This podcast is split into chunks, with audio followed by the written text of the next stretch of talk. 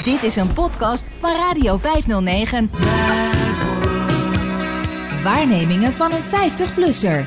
Inge's column bij Radio 509. Lopersbelang. Zo nu en dan laat ik me zijdelings betrekken bij de lokale politiek. Ik volg soms gemeenteraadsvergaderingen, heb een keer lokale politici van maanden toegesproken over de teleurgang van het openbaar vervoer in ons dorp en ik bemoei me met het verkiezingsprogramma en de kandidatenlijst van de lokale afdeling van de partij waar ik lid van ben. Op gemeenteniveau gaat het nogal eens over verkeer. Te hard rijden in de bebouwde kom, gevaarlijke verkeerssituaties, parkeertarieven, etc.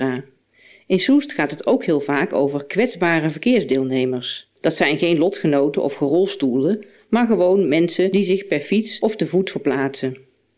Ik neem aan dat het woord kwetsbaar hier verwijst naar de statistisch grote kans die deze mensen lopen bij een onbedoelde confrontatie met een auto of bus ernstig gewond te raken en in het ziekenhuis te belanden. De automobilist zit dan toch een stuk veiliger, ingesnoerd in zijn gordel, beschermd achter zijn airbag en veilig in het omhulsel van zijn auto. Mij verbaast het eigenlijk wel, dat op één hoop gooien van fietsers en voetgangers. Ik ervaar zelf in ieder geval bijna dagelijks dat dit groepen zijn met vaak totaal verschillende belangen. Fietsers zijn voor mij veel bedreigender dan auto's.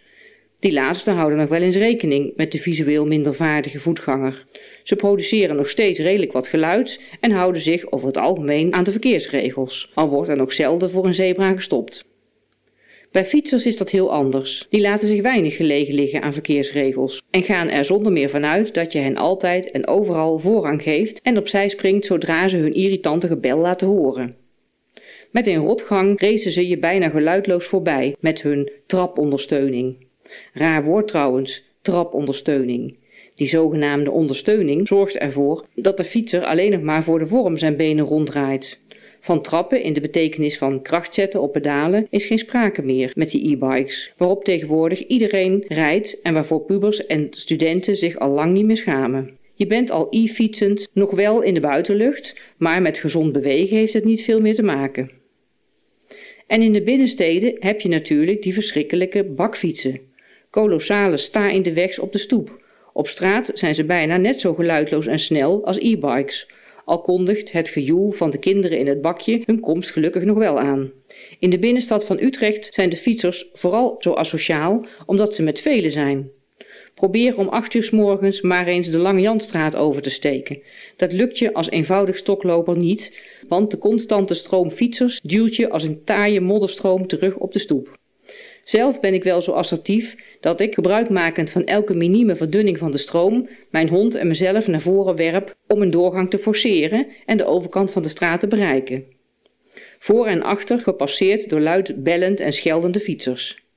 Maar ik stel me voor dat wat beleefder ingestelde lotgenoten op de stoeprand blijven wachten tot de scholen en colleges begonnen zijn voordat ze hun leven wagen.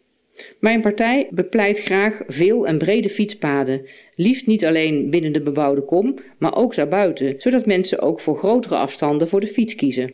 In mooi streven. Maar hoe fijn zou het zijn als ook wij, voetgangers, die niet terugdeinzen voor een kilometertje meer of minder, gebruik zouden kunnen maken van zo'n comfortabel geasfalteerd pad met natuurlijke gidslijn.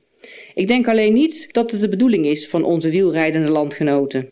Deze zomer nog werd ik door een fietser letterlijk en pijnlijk opzij geduwd met inzet van zijn fietsstuur en begeleid door het roepen van de nodige verwensingen, omdat wij er aan het eind van een lange boswandeling voor kozen een stukje over het fietspad te lopen om de route te verkorten en nog meer verdwaalrisico's te voorkomen. Nee, ik ben bang dat solidariteit tussen fietsers en voetgangers verder weg is dan ooit. Er worden geen gezamenlijke belangen behartigd, laat staan begripvol naar elkaar geknikt of geroepen onderweg. Mij overkomt het in ieder geval zelden dat ik door een fietser word gegroet. Het lijkt mij tijd voor een eigen voetgangersbeweging. Een loperslobby, zo je wilt.